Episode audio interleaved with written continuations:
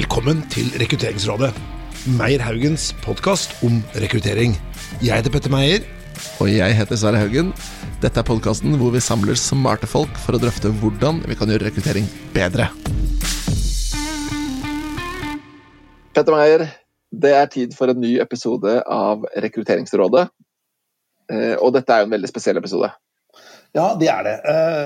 Eh, og eh, det er spesielt på så veldig mange områder. For det første så er jo Norge, verden, i en krise ingen har sett maken til på uh, aldri så lenge. Uh, og så er det jo det, og det skal vi jo prate om. Og så er det jo denne teknisk sett denne podkasten, så spilles den inn fra hjemmekontor.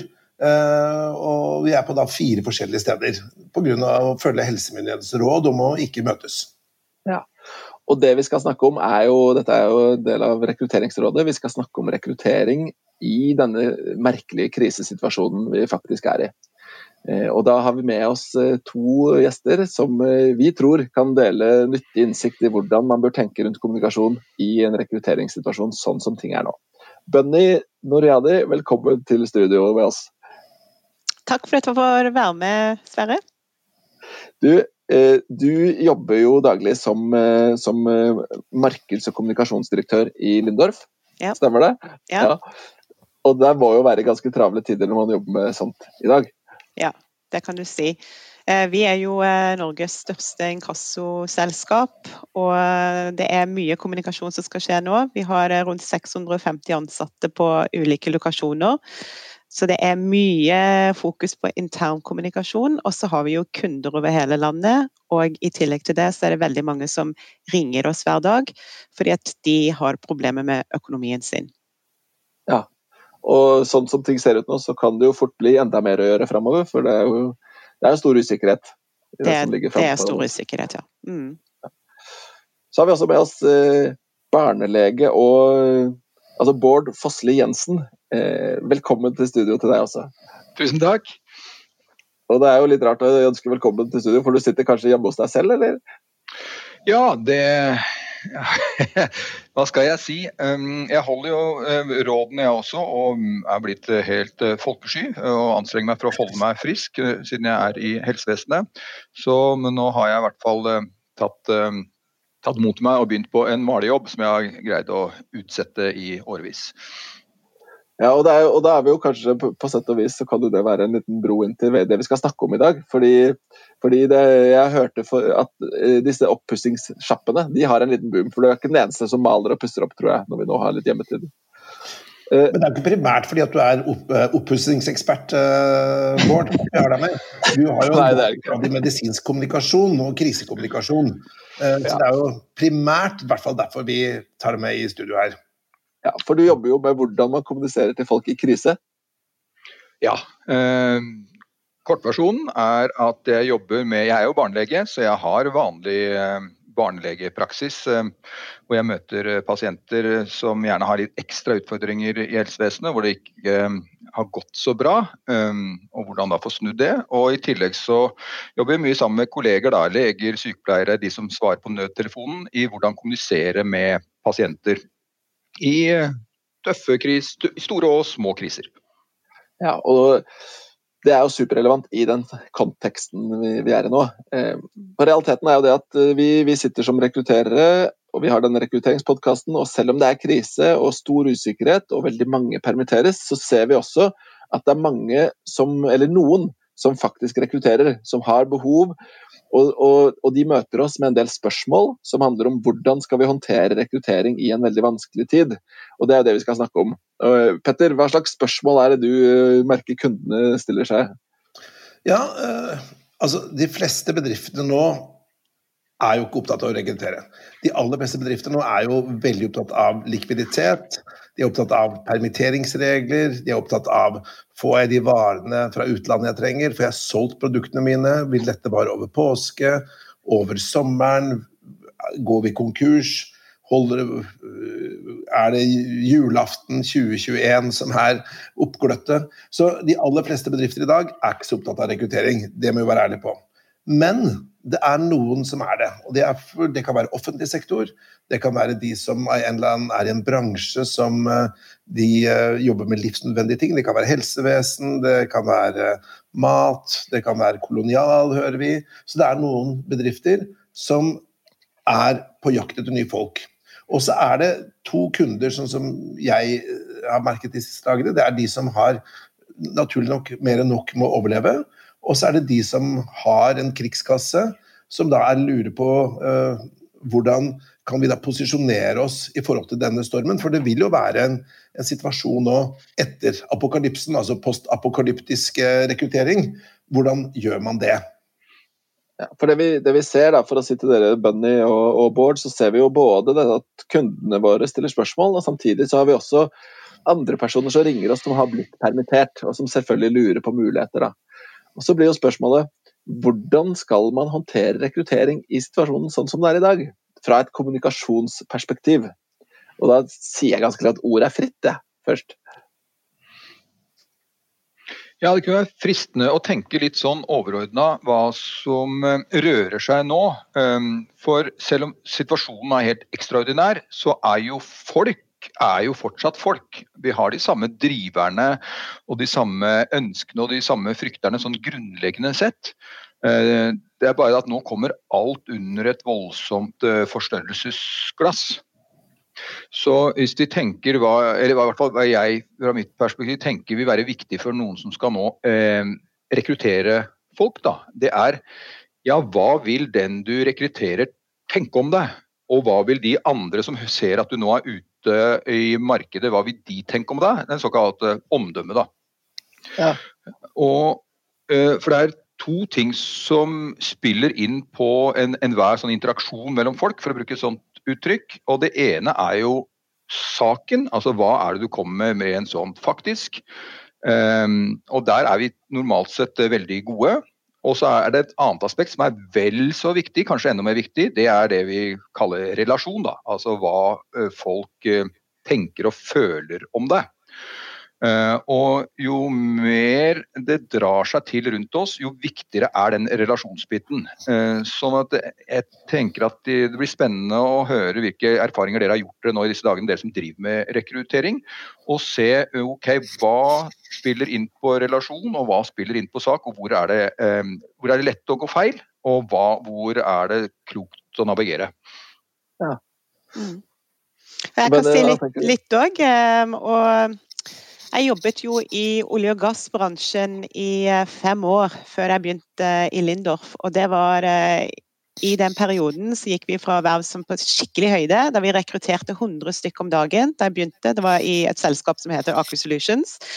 Og, eh, og, så gikk vi ned i en sånn skikkelig nedtur for hele bransjen. Der det ble Det var både permitteringer og det var oppsigelser. Og det var vel Jeg tror det var rundt ja, en fjerdedel til en tredjedel av bransjen som, eh, som uh, mistet jobbene sine. Og det var jo helt uh, Det var en kjempevanskelig periode, og i den perioden der så var det Når man står der midt inn i permitteringer og oppsigelser, så, så er det ikke en god god idé å gå ut og begynne å rekruttere i noen stor grad. Da, da skal man tenke på de ansatte, de som, eh, de som eh, skal liksom holde driften i gang. og Man må tenke på, på som du sa, lommeboka til selskapet og fremtidsutsiktene. Og, eh, og, og, når man er i den type situasjon, da, da, er ikke det første man tenker på rekruttering. Men for selskaper um, som um, ikke har det så, så, voldsomt ille som det, så, så tenker jeg at hvis, hvis, man har helt konkrete, faktiske behov, og man føler at uh, de behovene de kommer til å være der om, eh, om eh, tre måneder, seks måneder, et år fra nå. ikke sant? Og man, man, vet at den stillingen man har behov for å fylle, at den er så trygg som, som en stilling kan være. Da syns jeg det, det, der å gå ut og rekruttere selv nå, er faktisk ganske positivt. Og det er, det er, fordi at det gir en signaleffekt om at vi ser for oss en bedre fremtid. Vi tenker fremover, vi har troa. Um, så, så da, da, tenker jeg egentlig sånn omdømmemessig så, så, kan det faktisk være positivt. Ja, så, så ja, Petter. Ja, jeg, jeg tenker jo, eksempel, Det som er den store forskjellen her, det er jo uh, de som tar det ille opp, de ser kanskje at noen fisker litt i opprørt vann. De kan se på som grav, grav eller vrakplyndrer eller, eller hva skal, krigsprofitører. ikke sant? At de plukker flinke folk til bedrifter som går dårlig. Samtidig er jeg helt enig med deg, Benny, at uh, de bedrifter som går bra nå, uh, de sender også ut positive signaler. Det er ikke helt svarte natta. Det er et liv også etter koronaen. Mm. og jeg tror også at for de bedriftene som har muligheter til det, de bør også tenke ja, hva skjer etter sommeren? Hva mm. skjer utover høsten? Hvordan kan jeg posisjonere meg for å være der? Hvordan kan man sette opp vindmøller i denne stormen? Ja, og jeg, jeg tror det, det er sånn som du sier det, Petter, det der å kunne ha to tanker i hodet på én gang. Um, ja, det er, det er unntakstilstand nå. Vi kjenner på det alle sammen. Um, og det er mange som, som føler på den, den, usikkerheten hver dag. Men samtidig, eh, denne krisen kommer til å gå over. Um, det kommer til å bli en ny hverdag. Vi vet ikke helt hvordan den vil bli seende ut, men vi må jo rigge oss for den hverdagen òg.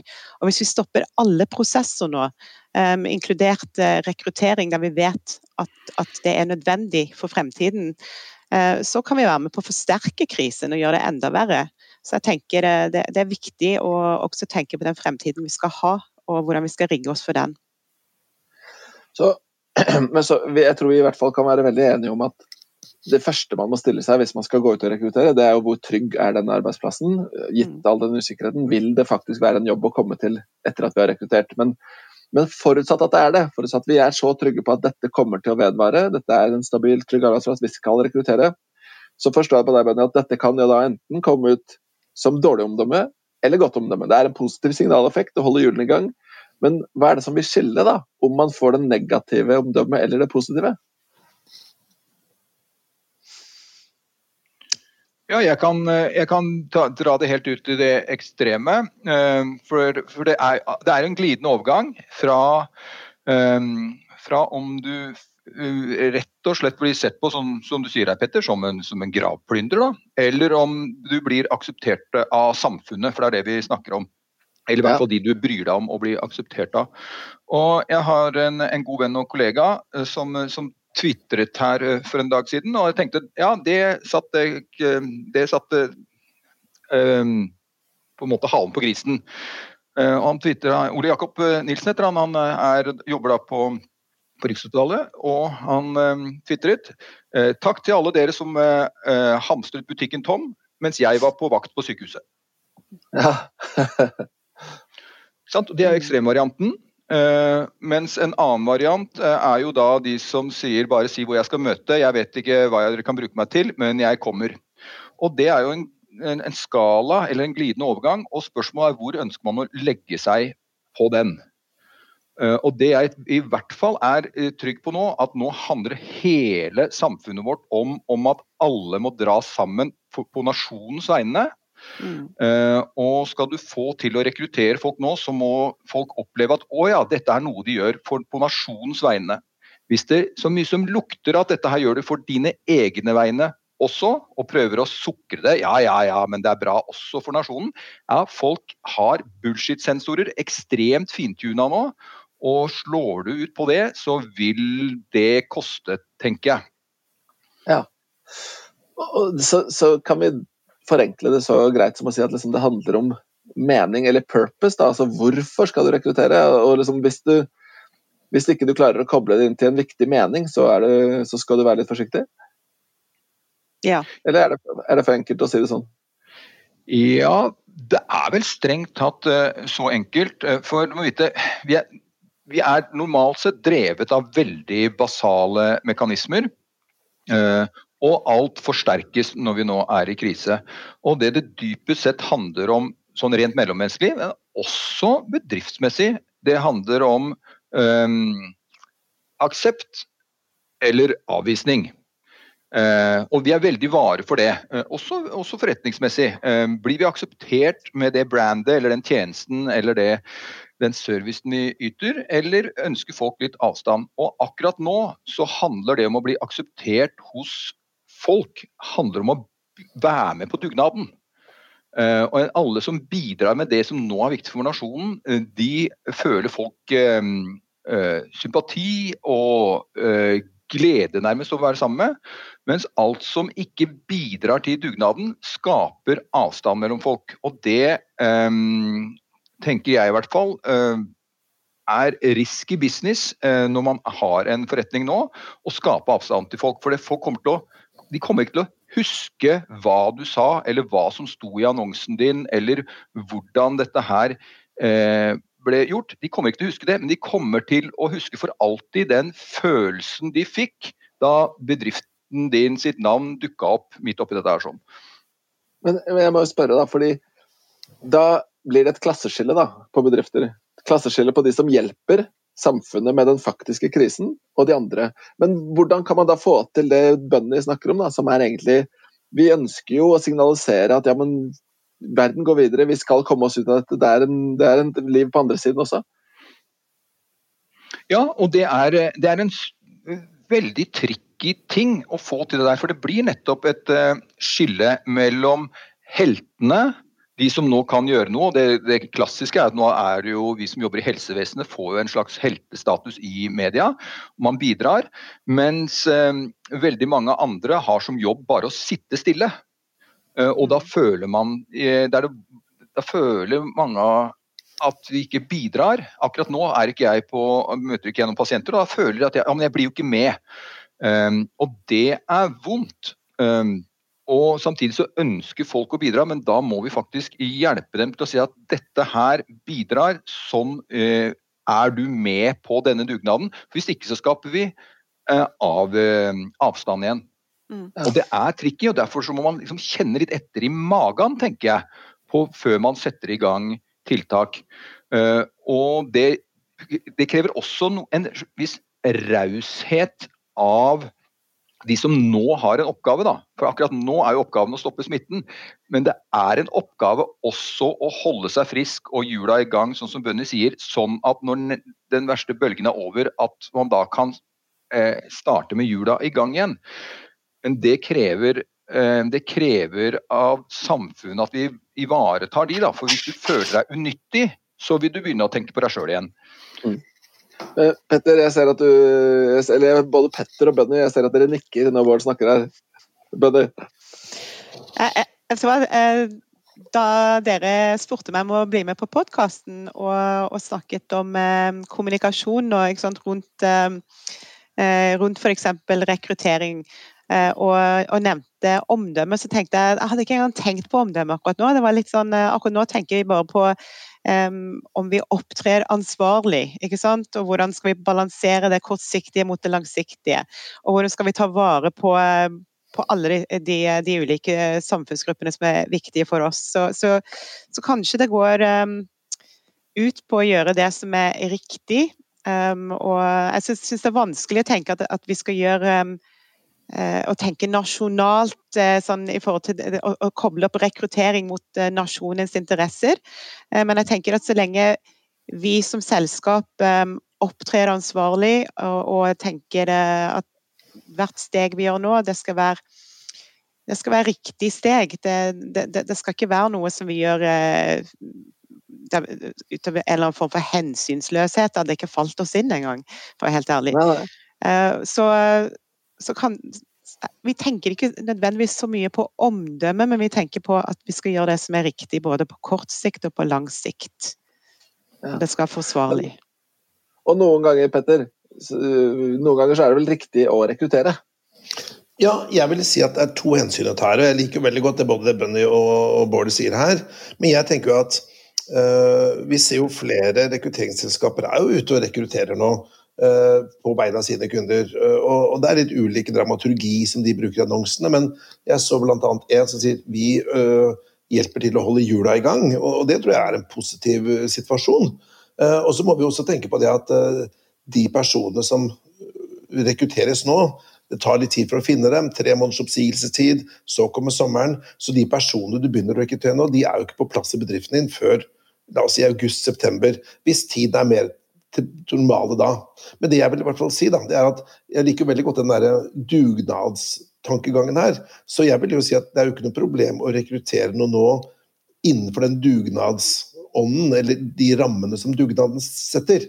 Hvis du da sier at ok, vi har tekniske løsninger så vi slipper å møte hverandre, vi, mm. vi, vi gjør det på en, på en, god måte, og ikke noe sånn skrytete å, her, se hvor godt det går i min bedrift, og om den nærmest eh, er litt skadefro i forhold til de bedriftene som gjør det dårlig.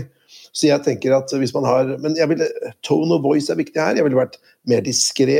Jeg ville i hvert fall aldri kjørt en svær sånn helsidesannonse eller masse lyd og bilde. Jeg ville vært litt mer sånn subtil på dette her, da.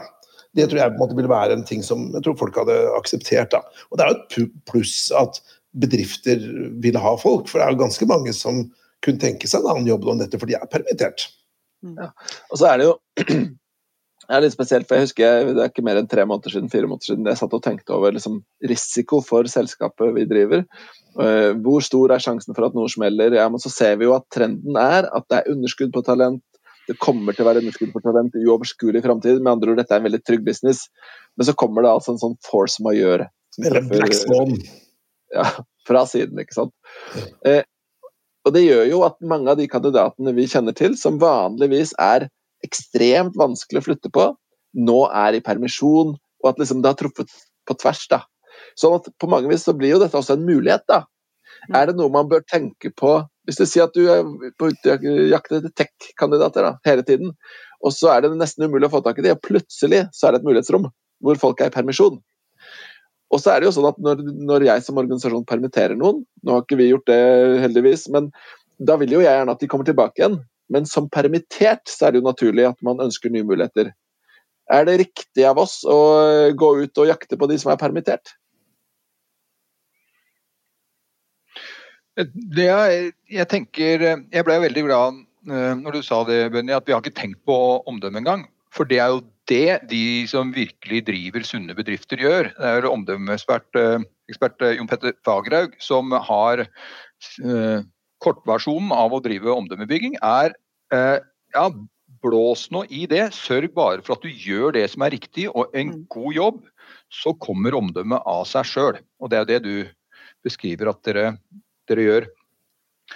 Eh, så, og nå så Jeg ble så begeistra over det. Nå glemte jeg spørsmålet ditt, Sverre. Ja, spørsmålet mitt var det, Og der er vi helt enige. Det handler jo om å gjøre rett, og så kommer omdømmet av seg selv. Men er det rett å flytte på kandidater som er i permisjon, er vel egentlig spørsmålet da. Fordi de er jo i en sårbar posisjon, og de har det vanskelig, og det vil jo hjelpe dem. Men vi vil jo ikke hjelpe bedriften de er permittert fra, for de vil jo da miste talent på andre siden. Ja, og nok en gang så handler det om hva slags eh, person du ønsker å være. For det du er, det, det sier litt om dine verdier, og det kommer til å både gjenspeile hva folk føler om bedriften din, og kulturen i bedriften din. Og hvis det er noe som på en måte ligner av å profitere på andres ulykke, så ville jeg holdt meg langt unna. Mm, jeg er enig i det. I det. Og så, samtidig så, så, tenker jeg at uh, det, noen av disse bransjene her der, der, der, der, kan det ta lang tid altså, før, de, før de kommer seg. Og ja. Um, det er altså hvis, hvis, det finnes andre jobber der ute for, for noen av de som er permittert, så, så, kan det faktisk være bra for samfunnet at vi har færre som er permittert og flere i jobb. Men det å gå ut og, og, liksom, og, og være en profitør som, som skal, skal, tjene på, eh, på, på, på, at andre sliter, det, det, det ville jeg også tatt avstand fra. Ja. Petter, hadde, så jeg en hånd opp, eller? Ja, ja. Jeg tenker jo sånn at eh, jeg tror hele samfunnet er tjent med at de bedriftene som kan ansette, enten det er permitterte eller eh, faste eller arbeidsledige eller hva det er, jeg tror vi er som samfunn tjent med det. De kan gå på restaurant etterpå, de kan kjøpe flyreiser, de uh, slipper å gå til inkasso, da, for å bruke din bransje, Bunny. Ja. Så jeg tror det i utgangspunktet er positivt. Uh, nummer to er at uh, det vi diskuterer, er også liksom hvordan skal du gå fram, da. Og jeg vil være helt enig med Bård her at her bør man gå subtilt fram. Man bør ikke ha store flashy annonser, man bør kanskje forhøre seg litt i bransjen, gå litt under radaren i forhold til det ene. Men så kan det jo også være fint å bare signalisere at We are hiring, f.eks. Det er jo mange som ser på det som en interessant ting, både for de som kan være aktuelle for jobben, men bare generelt at jo, det er ikke helt stille. Det er noen lyspunkt her. Selv om det er uh, svarte natta for de aller fleste bedrifter, for det må jo bare med de. Mm. Eh, men, men, ref kommunikasjon, da. La oss nå si at jeg har en bedrift som har behov for å rekruttere, eh, og egentlig kanskje til og med i volum. Eh, så kan, jeg lyst til å legge ut en We are hiring. Så kan jo det omdømmemessig slå ut to veier. Enten så kan det være kjempebra, det er oppgang, det er muligheter og det finnes håp. Eller så kan det være den derre at du blir uglesett fordi du ikke Krigsprofitør. Ja, litt sånn ja, så godt å gå med oss, da, når dere andre lider. Mm. Hva, hva bør man passe på i den kommunikasjonen, da? Det er, jo, det er, jo, tone of voice, som altså du sier. Jeg hadde nok ikke lagt ut uh, sånn uh, We are hiring. Det ser, uh, det ser ut som å sparke leggen på veldig mange andre som ikke er i stand til å gjøre det, kanskje. Ja. men jeg tenker det, det, er viktig å være åpen med, med folk om de behovene man har, og, og være ærlig. Og um, det skal være konkrete behov som man har. Og, Fordi at eh, Hvis man skal holde hjulene i gang, så, så, så, så har du helt konkrete rekrutteringsbehov. Um, kompetansebehov, kapasitetsbehov, som du skal, du skal, sørge for at man fyller. Så, så dette med å være ærlig, for du, du, gir signaler til omverdenen, eh, både innenfor bedriften din og utenfor bedriften din. Og eh, vi har jo veldig mye fokus på de som allerede jobber hos oss, og, og hvordan de skal ha det, og, og, og, hva de tenker om situasjonen. Så hvis vi, hvis vi, har et helt konkret behov for å rekruttere, og tror at den stillingen er viktig og trygg, så, så, tenker vi at det er bra at vi går ut og, fortsetter med den rekrutteringsprosessen. Men eh, Bård, Handler ikke dette litt om du er, Jeg vet jo du er veldig opptatt av dette med å vise empati. Handler ikke om å vise en forståelse for situasjonen som uh, samfunnet og folk er i? Jo, uh, og, og, det kan man godt si. Og, og, og ordene blir, er litt, begrepene er litt vanskelige, for vi, har, vi snakker om empati da, og medfølelse på norsk. Men uh, på, på, engelsk så snakker de om empati, empathy og compassion. hvor det er, det er, litt to forskjellige ting. hvor Empati er medfølelsen, mens compassion er faktisk hvilken handling du legger inn i det at du føler med andre. Uh, og nå er tiden for å være compassionate, da. Uh, og bidra også for andre. Og jeg er nok en gang helt enig med deg, Bunny, at ja, man må være ærlig og både på sak, da, hva man trenger, mm. men også på hvilke følelser man har og hva som er driveren for en. Fordi eh, jeg kommer til å uh, stå fast ved at jeg mener at det er tiden for å vise at man bryr seg mer, uh, bryr seg mer om å hjelpe andre enn seg sjøl. Og eksempel, jeg, jeg, vet ikke om det er mulig engang i rekrutteringsbransjen å uh, som litt sånn som vi gjør i, i, helsevesenet nå.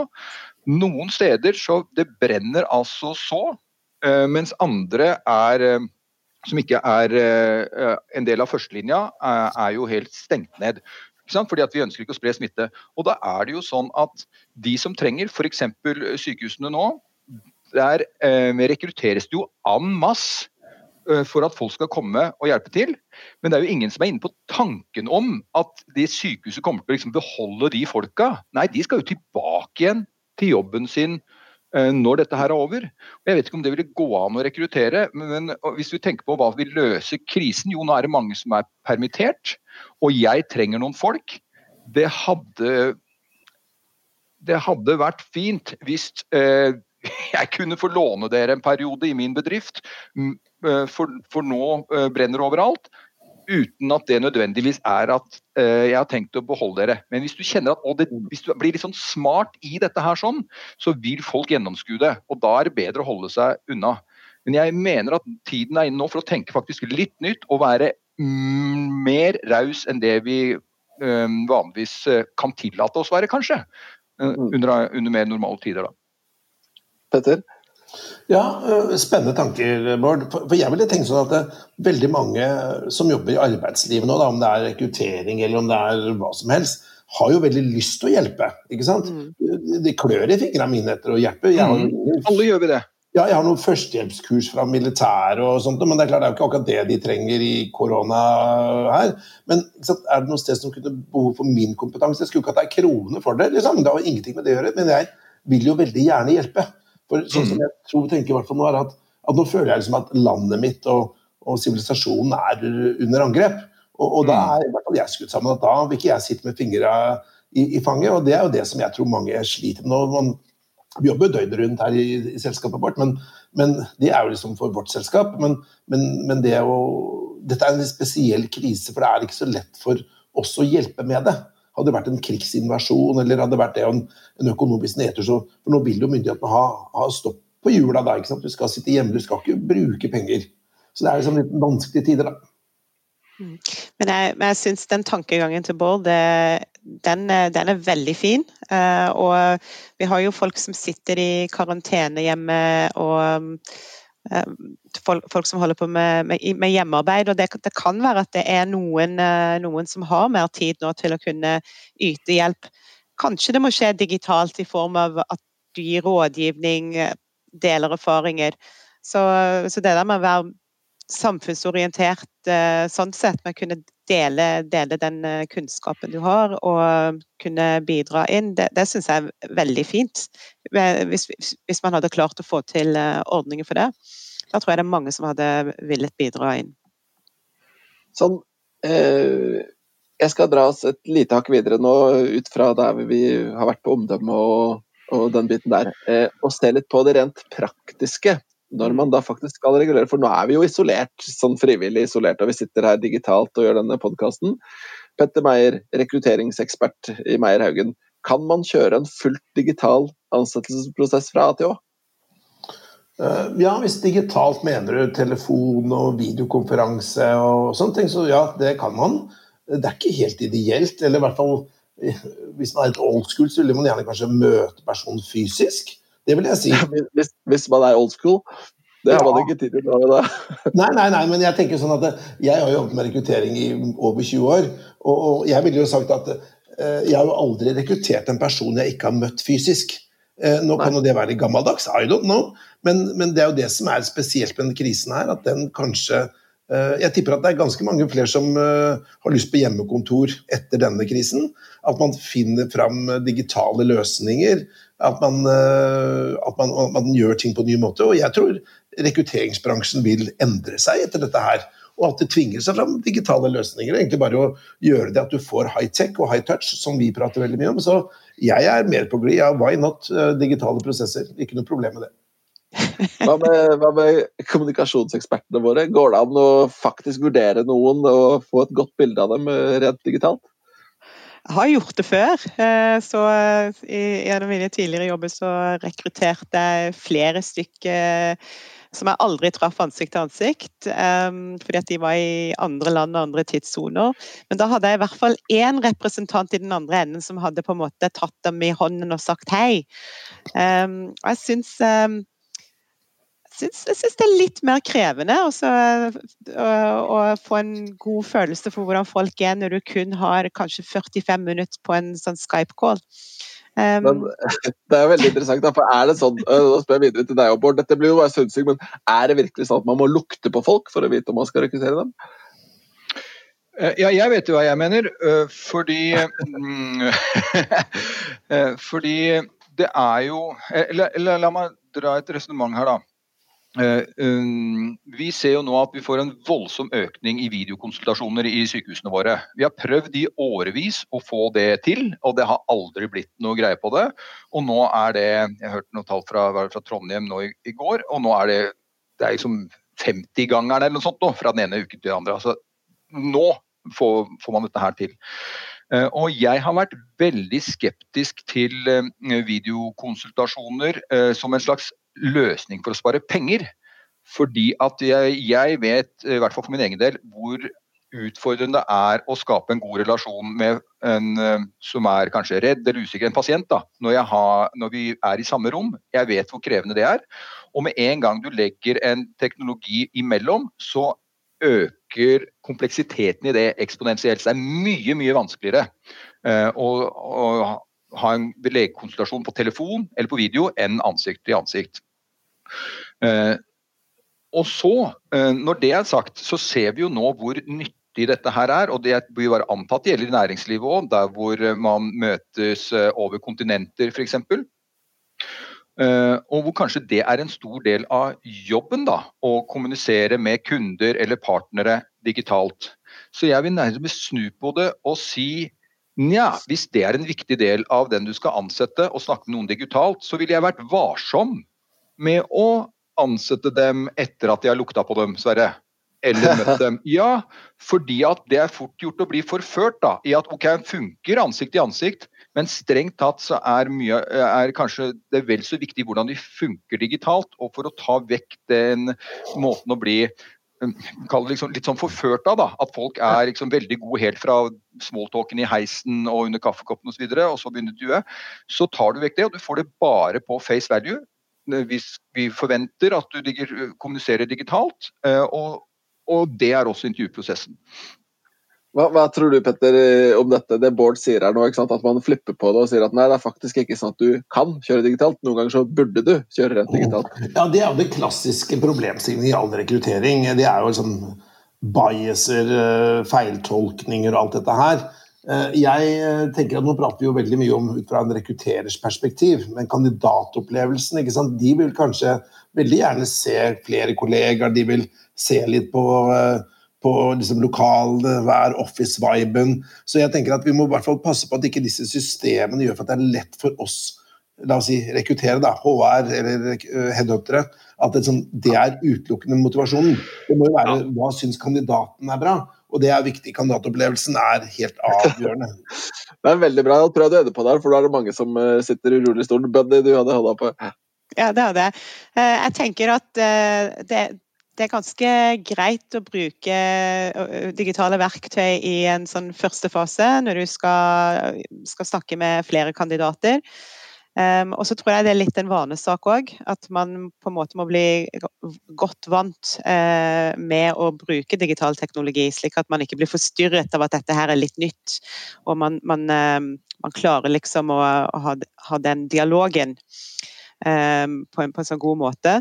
Og så, og så, tror jeg det er litt sånn som det du sa, Petter, at det, det der med å rekruttere riktige folk, det er krevende uansett. Fordi at det, det, det skjer under sånn visse omstendigheter, og det der å få et um, riktig inntrykk av folk eh, i løpet av noen få samtaler, det syns jeg er ganske krevende. Uansett om det skjer ansikt til ansikt eller eh, over et sånt Skype-møte. Og når jeg har gjort det via Skype, så har jeg eh, Det var en jeg rekrutterte, helt fantastisk. Jeg fikk så godt inntrykk under Skype-møtene, og, og vedkommende fungerte strålende i jobben. Og så var det en annen jeg var, litt sånn, eh, var ikke sånn 100% sikker, men det var den beste kandidaten vi måtte, måtte ha vedkommende. Eh, og så ble det liksom så som så i, i jobben òg. Så kanskje, man, kanskje, det ikke er så annerledes egentlig enn, eh, enn å møte folk ansikt til ansikt. Så empirisk forskning med et utvalg på to viser at det er 50-50 i sjansen. Petter? Jo, jeg ville tenkt sånn at jeg har jo rekruttert mye med Skype før, som en del av sitt førstegangsintervju, istedenfor å fly inn folk fra USA eller sånt noe. Uh, erfaringsmessig det er liksom, Men folk har ikke hatt så mye erfaring med det, og ikke jeg heller, som rekrutterer dem. Men klart, nå blir vi jo, er vi jo litt sånn bootcamp for alle, både kandidater og, og rekruttere i forhold til det å bruke Skype. Så det er jo en læringsprosess, det også. Så jeg tenker, gi oss et par måneder, da, så er vi, er vi liksom uh, superstars på å kommunisere søm, sømløst på Skype. Vi skal, eh, vi skal, gå inn eh, for landing på denne lille praten om kommunikasjon og rekruttering i denne krisen vi er i. Eh, før vi gjør det, så har jeg lyst til å spontant utfordre dere til å gi hvert deres tips til folk som eventuelt skal da ut og rekruttere. Hvis vi begynner med deg, Bård. Hvis du skulle gi de der ute ett tips hvis du skal rekruttere nå?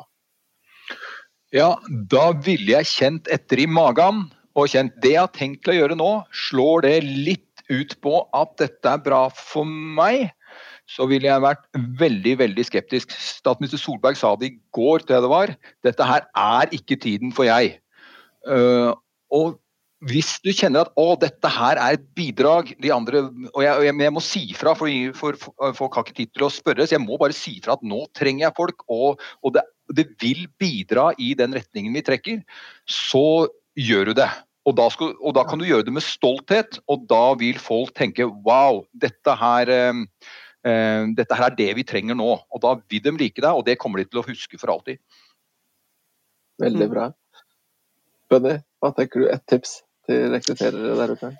Ja, um, jeg tenker uh, Vær ærlig og still spørsmålet om det du nå gjør, om det bidrar uh, til å holde hjulene i gang. Om det er riktig valg uh, både nå og om ett år. Ja. Petter Meyer, Nei, jeg er jo helt enig i det. det her, det er, her, er, det jo, som Erna Solberg sa i, i, går, da, dette er ikke tiden for vi, dette er, tiden, nei, dette er ikke tiden for jeg, dette er tiden for vi. det er fort å blande. jeg er jo helt enig i det. Uh, vær litt subtil i dette her. Uh, og jeg ville også tenkt sånn Én ting er å gå ut med annonser og prøve å få noen på den måten, men det er jo mange måter å rekruttere på. Så hvis, du, hvis magefølelsen, som både Bård og Bunny sier her, er bra, og dere mener at dette er med på å dra lasset sammen, så kan man jo også da uh, ja, uh, gå litt under radaren i forbindelse med rekruttering, hvis du føler det. Og så er det det vi prater om. Er det forskjell på å rekruttere til en, en som produserer nødvendig smittevernutstyr og mat, kontra hvis du trenger noen som skal jobbe med shipping og finans, eller hva, hva man har, da. Så, men bruk, bruk, sunn fornuft, tror jeg, i dette her. Men jeg tror også tenk på at det kommer en dag i morgen Eh, posisjoner deg for den tiden som kommer, la oss si etter, etter sommeren. Eh, for plutselig da skal alle rekruttere igjen. Så ha det litt i bakhodet hvis du har muligheten for det. Og jeg vil også ta meg privilegiet og si at mitt tips eh, vil være å vise forståelse for situasjonen vi er i, og forståelse for situasjonen folk flest er i. Det er ekstremt stor usikkerhet, og det må man jo vise forståelse for, enten det er snakk om i annonsematerial eller i den direkte kontakten når man jobber med søk etter kandidater. Eh, dette har da vært en episode i Rekrutteringsrådet. Vi har hatt med oss Bunny Noriani, markeds- og, eh, det, markeds og kommunikasjonsdirektør i Lindorf. Eh, vi har hatt med oss Bård Fossli Jensen, ekspert på kommunikasjon til personer i krisesituasjoner. Og Petter Meyer, partner i Meierhaugen. Mitt navn er Sverre Haugen, jeg er også partner i Meierhaugen. Og vi ønsker dere alt godt. Vask hendene og hold dere friske, og ikke smitt noen.